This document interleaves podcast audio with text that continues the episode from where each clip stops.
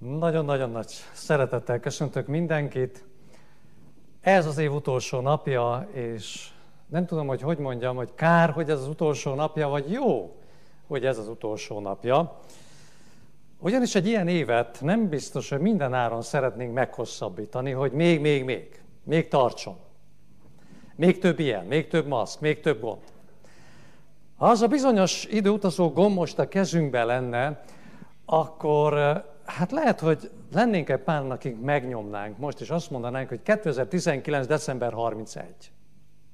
Érdekes lenne a kép, amit itt látnánk, például az, hogy tele van a terem, nagyon sok fiatal és mosolygó, szikrázó szemekkel ül itt mindenki, én még nagyon jól emlékszem erre, és elhangzik egy prédikáció, aminek az a témája, nem nagyon szoktam a saját prédikációimat megjegyezni, hogy igazán egy évvel ezelőtt miről beszéltem, de hát ezt nem tudtam elfelejteni, mert egész évben a fejemben volt. Ugyanis az volt a lényege, hogy le a maszka, le az állarca. Aztán jött egy év, amikor a jelkéből valóság lett, és még csak le sem vehettük a maszkot. Hát profétának nem vagyok jó, ez a jóslat nem jött be, mint hogy sok más nagy jóslat sem, ami nagy izgalmat okozott a közösségben. Legalábbis keresztény közök, körökben. Emlékszem, évelején nagyon sok ilyen önjelölt proféta azt mondta, hogy 2020 tavaszán egy rendkívüli nagy klímacsúcs lesz, amikor meghoznak egy olyan törvényt, egy nagy törvényt, egy várva várt törvényt, ami egyből a végidőkbe fog repíteni bennünket. Tehát nem, hogy klímacsúcs nem lett, hanem tavaszra szépen kitisztult a légkör is, miután leálltak az autók meg a repülők. Azután ugyanezek a proféták semmit sem veszítettek az önbizalmukból, amikor azt mondták tavasszal, hogy ó, ez a vírus ez csak olyan, mint az influenza, igazán ez csak egy médiavihar, nem történik itt semmi, nem kell vele foglalkozni. Két millió ember halt meg majdnem eddig, most pedig ugyanezek a proféták azt mondják, hogy jön az oltás, ami elpusztítja az egész földet. Mindig csodálom a jósoknak a nagy önbizalmát, de mostantól kezdve vigyáznunk kell, hogy mit jósolunk. Hát ilyen évünk volt. Túl sokan lettek szakértők, túl sokan lettek jövendőmondók, vagy megmondó emberek, más szavakkal zaklatottá és frusztráltá váltak nagyon sokan ebben az évben. Mert tény, hogy 2020 kizökkentett a komfortzónánkból. És kihozta mindenkiből azt, ami egyébként eddig is ott volt, csak valahogy a nem látható maszkok elrejtették a jót és a rosszat is. Akkor mihez kezdjünk? Menjünk-e vissza 2019 december 31-ére. Most, ha valamiről sok film készül, akkor az azért van, mert az a téma eladható téma. Az a téma eladható, amivel sokat foglalkoznak az emberek. Azzal foglalkoznak sokat, ami érinti őket. És az érinti az embereket, ami befolyással van, vagy szeretnék, hogy befolyással legyen a mindennapi életükre. Tehát valami problémát old meg, vagy valami nehézségből vezet neki, és hát ettől olyan fontos. Az időutazás ilyen.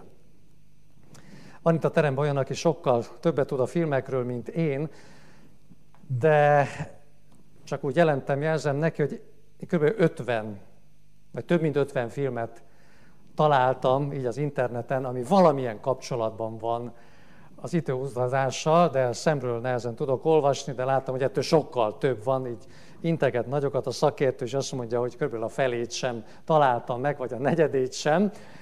Igen, hát akkor még ettől is nagyobb téma ez, mint amit én gondolok. Hogy az, az első irodalmi mű, e, ami ezzel e, foglalkozott, az időutazással 1700-ban írták, és azt a címet viselte, hogy emlékek a 20. századból. És az író azt gondolta, hogy nagyon-nagyon messze szalad, és próbált egy ilyen időutazással hát beleképzelni magát abba a borzalmas korba, amikor szerinte a 20. században a jezsuiták uralják a világot. Hát ugyanis ez volt, ez egy ír, anglikán író volt, és ez volt a saját korának a nagy kérdése, a nagy problémája, és ez belevetítette a 20. században. Miért adnak reményt az ide utazós filmek? De kétféle nagy motivumot, és ennek a százféle kombinációját használják, de igazán két alapmotivum van. Az egyik, hogy visszamenni a múltba. A múltba visszautazás azt teszi lehetővé, hogy másfajta döntéseket hozzunk, és ezzel megváltoztassuk azt a jelent, amit ismerünk. Régi mondás egy idegen nyelvből fordítva lehet, hogy nem hangzik úgy, mint az eredeti nyelven, hogy Uram, add meg a holnapi eszemet. Add meg ma a holnapi eszemet. Holnap már meg lesz, amire ma lett volna szükségem, de akkor már minek? Holnap már pontosan tudni fogjuk, hogy tegnap mit kellett volna másként dönteni. Mivel nincs meg ez az ész, ezért jó lenne az időbe visszamenni, és tegnap, vagy egy évvel ezelőtt meghozni azokat a döntéseket, amitől a mai napon más lehet. A másik motívum pedig előre menni az időbe, és belelátni a történésekbe. És ennek ismeretében visszajönni, visszatérni a jelenbe, és olyan döntéseket hozni itt és most, amik meg fogják változtatni számomra azt a jövőt, amiről tudom, hogy el fog jönni. Bár nem tudom őszintén, hogy mit érne. 2009-ben olvastam egy szakmai cikket arról, hogy egy WHO-s járványügyi szakember, Klaus Stor 2004-ben megjósolta, hogy hamarosan várható egy nagy pandémia. Hogy abból indult ki, hogy 30 évente ezek ismétlődnek, kisebb, nagyobb méretekben, és úgy látta, hogy ez a bizonyos 30 év felgyorsul, és itt van, azért, mert nagyon-nagyon megnőtt az utazásoknak a száma a világon, és az emberek életmódja és a szokásai miatt nagy a valószínűsége annak, hogy egy állatból származó vírus kombinálódik egy embertől származó vírussal, és el fog terjedni az egész világon. Sőt, azt is megmondta, hogy ez nem csak, hogy nem sokára bekövetkezik, hanem ennek a szövédményei lesznek a legsúlyosabbak, és minden bizonyal légúti betegségekben fognak meghalni az emberek. Ez egy járványügyi szakember volt, senki nem figyelt oda a jóslatára. Igaz, ez a bölcsesség úgy hangzott, hogy ezt úgy tudjuk elkerülni, hogyha leállítjuk a nemzetközi repülőzést és a repülőtereket bezárjuk. Hát nyilvánvalóan nem volt az a politikus, az a gazdasági ember, aki azt mondta volna, hogy megfogadjuk az ő tanácsát. Persze, amikor bekövetkezett, sokan azt mondták a tudósokról, akik ezt előre megmondták, hogy ők idézték elő, mert egyébként hogy lehetne megmondani valamit, hogy lesz, ha nem te csinálod? Most ennyit ér a jövőnek az ismerete. Veszélyes jósolni. Veszélyes a jövőbe látni. Mindkét lehetőség, és ennek a kombinációi abban segítséget, hogy az én jelen időm, a mostani időm más legyen. Hogy jól jöjjek ki belőle. Hogy jó döntéseket tudjak hozni. Készítettem egy kis lélekszámú felmérést a közösségben, és megkérdeztem, hogy ki mit szeretne. Vissza a jövőbe, előre a jövő, nem, vissza, vissza jövőbe az egy filmnek a címe, ugye? Igen, trilógia. Na hát az egyik nagy film ezek közül. Nem, vissza a múltba, előre a jövőbe, vagy pedig minden maradjon így, ahogy van. Nagyon érdekes, vagy és nem is annyira érdekes, hogy a többség azt mondta, hogy minden maradjon úgy, ahogy van. Hát persze én ezt megértem, mert ha racionálisan végig gondoljuk, akkor ennek van a legnagyobb esélye, hogy ma itt vagyunk 2020. december 31-én, és minden úgy marad, ahogy van. De ha itt lenne a kezünkben a gomb, az a bizonyos időutazó gomb, én nem vagyok teljesen biztos, hogy mindenki a Dunába dobná. Csak azért, hogy minden maradjon így, ahogy van. De mivel nincs itt ez a gomb, Ez itt nyilván azt mondjuk, hogy jól van így, ahogy van. Megbírkozunk azzal, ami van, és az eddigi tapasztalatokból majd elég bölcsességet merítünk, hogy jó döntéseket hozzunk a jövőre. Év vége van, és ilyenkor az idő a legnagyobb téma. A másért nem azért, mert holnaptól változik az évjáratunk. Egyeseket ez jobban zavar, mint másokat, de ez tény. Időutazásra hívlak benneteket. Két ige, két történet, ami között 2000 év távolság van. A második történet, a második ige, és közöttünk szintén 2000 év távolság van. El lehet dönteni, hogy 2000 évet utazunk vissza, vagy 4000 évet utazunk vissza. Ez a két történet rendkívül érdekes, párhuzamban van egymással. Az első Mózes első könyve 24. fejezetében van leírva, a második János evangélium a negyedik fejezetében.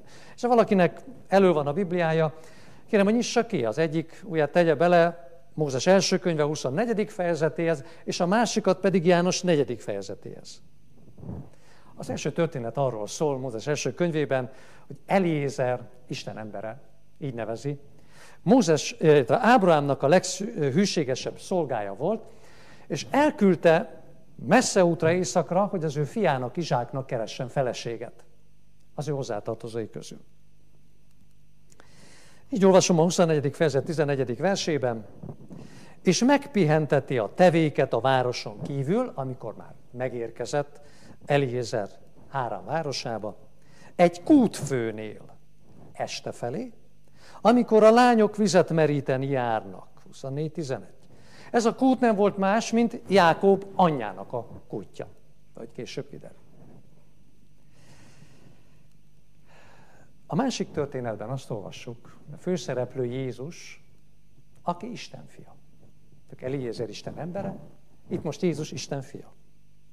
János 4.6-ban azt olvasom, hogy ott volt Jákob forrása. Jézus az úttól elfáradva leült a forrásnál, az idő dél felé járt. Jákob anyjának a kutya, ez Jákob kutya. Eliézer Isten embere, Jézus Isten fia. Eliézer hosszú útról jött, és megpihent. Jézus hosszú útról jött, és a kútnál megpihent. Azután. Így olvasom, még végig sem mondta, már is jött Rebeka korsóval a vállán. Ott volt Eliézer, ott pihent a kútnál. És közben jön egy lány, egy nő, Rebeka, korsóval a vállán. János 4-ben azt olvasjuk, hogy Jézus leült, megpihent, és egy samária asszony jött egy korsóval vizet meríteni. Mind a két történetben egy nő, egyiknek a neve Rebeka, a másiknak, nem tudjuk a nevét, csak azt, hogy samáriai asszony. Rebeka vizet töltött a kosárba,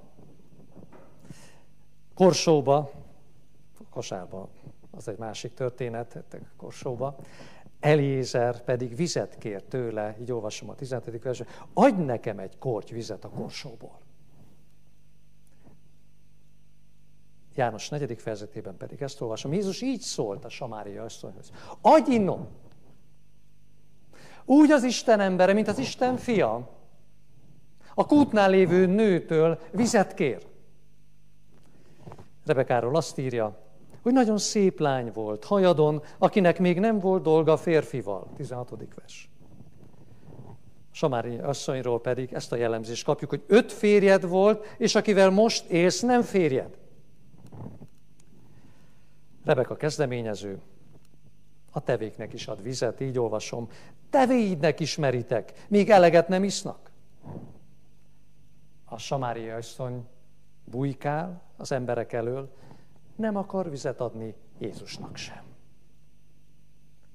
Az egyik alkonyatkor jön a kúthoz, amikor mindenki más jön, Samária asszony délben, amikor senki nem megy a kúthoz. Az egyik bátran megy a kúthoz, a másik bujkálva megy a kúthoz. Mind a kettő kap ajándékot. Elővett a férfi egy fél sekel súlyú aranyfüggőt, és a lány kezére való két karperecet, tíz aranysékel súlyút. Rebeka ékszert kap. A samáriai asszony evangéliumot kap, élő vizet. A történet meglepő módon, hasonló módon folytatódik mind a kettő. Rebeka otthagyja a vendéget, hazaszalad a családjához, és elmondja, hogy milyen nagy dolog történt vele. Samária asszony otthagyja Jézust, beszalad a faluba, és elmondja, hogy milyen nagy dolog történt vele. A hallgatókról azt tudjuk, hogy hisznek Rebekának, mert látják az, a drága ékszereket rajta. Hisznek a samáriai asszonynak, mert látják a megváltozott tekintetét, a szemét, a megváltozott arcát, a megváltozott természetét. Hasonlóság és különbség. Rebekát ezután elviszi Eliézer egy másik országba. Izsák felesége lesz, és ezzel a messiás elődje. Rebeka új jövőt kap, a samáriai asszony pedig új múltat kap. Itt van az évvége.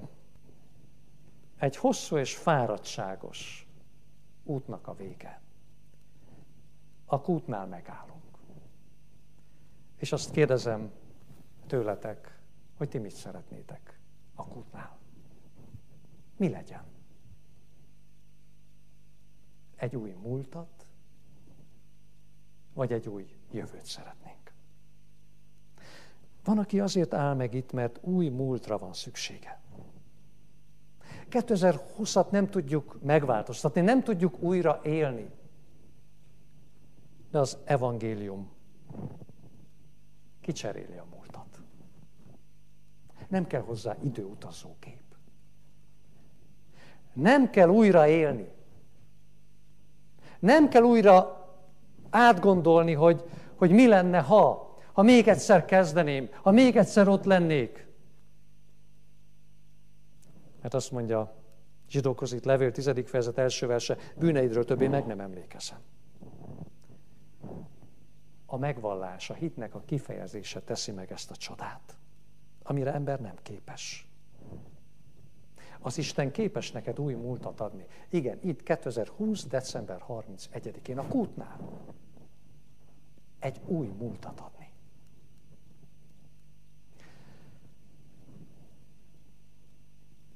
Az én Bibliám azt mondja, hogy abban az országban, ahová én készülök. Mind ilyen emberek lesznek. Akiknek kicserélték a múltját. Akik megmosták ruhájukat a bárány vérében. Nem lesz ott egy sem, Jézus Krisztus, mint testet öltött Isten, embert kivéve, aki nem védkezett volna soha. Aki azt tudná elmondani, hogy nekem nem lenne szükség újra élni a múltamat és az életemet. Jól van úgy, ahogy van. Nem. Csak olyan emberek lesznek ott, akinek kicserélték a múltját. Van, aki azért áll meg itt, mert új jövőre van szüksége. Mert ha mostani jelent gondolatban meghosszabbítjuk, kiterjesztjük, és azt mondjuk, hogy ilyen lesz most már a következő év is, azután is. A világ felbojdult, megőrült. Nem tudjuk eldönteni ebben a pillanatban, hogy a vírustól fél jobban, a járványtól, vagy a megoldástól fél jobban. Hogy a gazdaságot félti, vagy az emberi életet félti.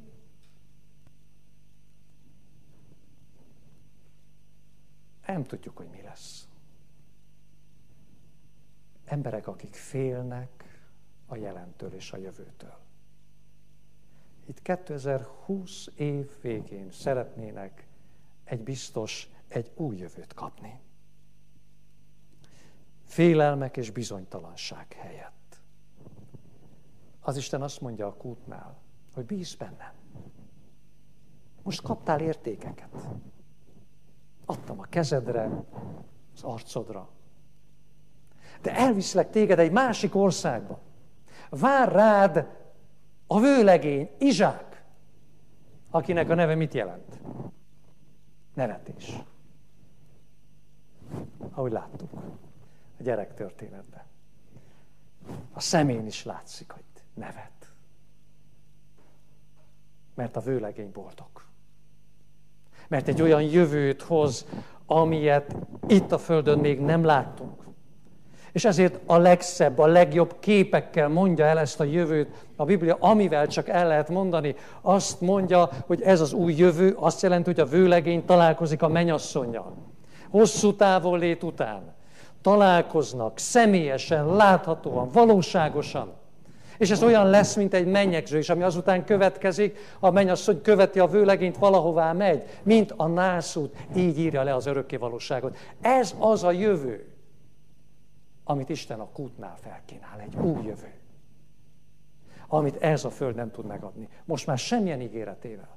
Lehet, hogy eddig hittünk benne. Lehet, hogy azt gondoltuk, hogy lesz elég biztonság. Lehet azt gondoltuk, hogy feltalálnak mindent, amivel az élet száz évről 200 évre kitolható. Anyagi biztonság lesz, mindenki oda mehet, ahova akar, egyenlőség lesz, szabadság lesz, béke lesz, és minden lesz. Ha egyáltalán volt valaki, aki ebben az illúzióban hitt, 2020 volt az az év, amikor el kellett ezt veszíteni. Ez a Föld nem ilyen. Ez a Föld nem tudja megadni ezt a jövőt. Ez csak itt van a kútnál. Nem tudom neked, melyikre van nagyobb szükséged.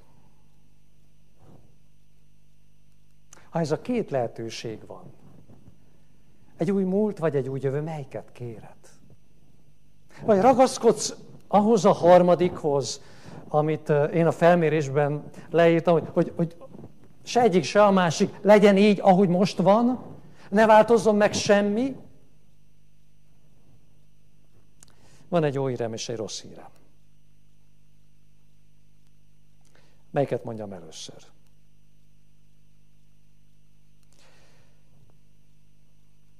Nincs új jövő. Nem lesz új jövő, ha nem lesz új múlt.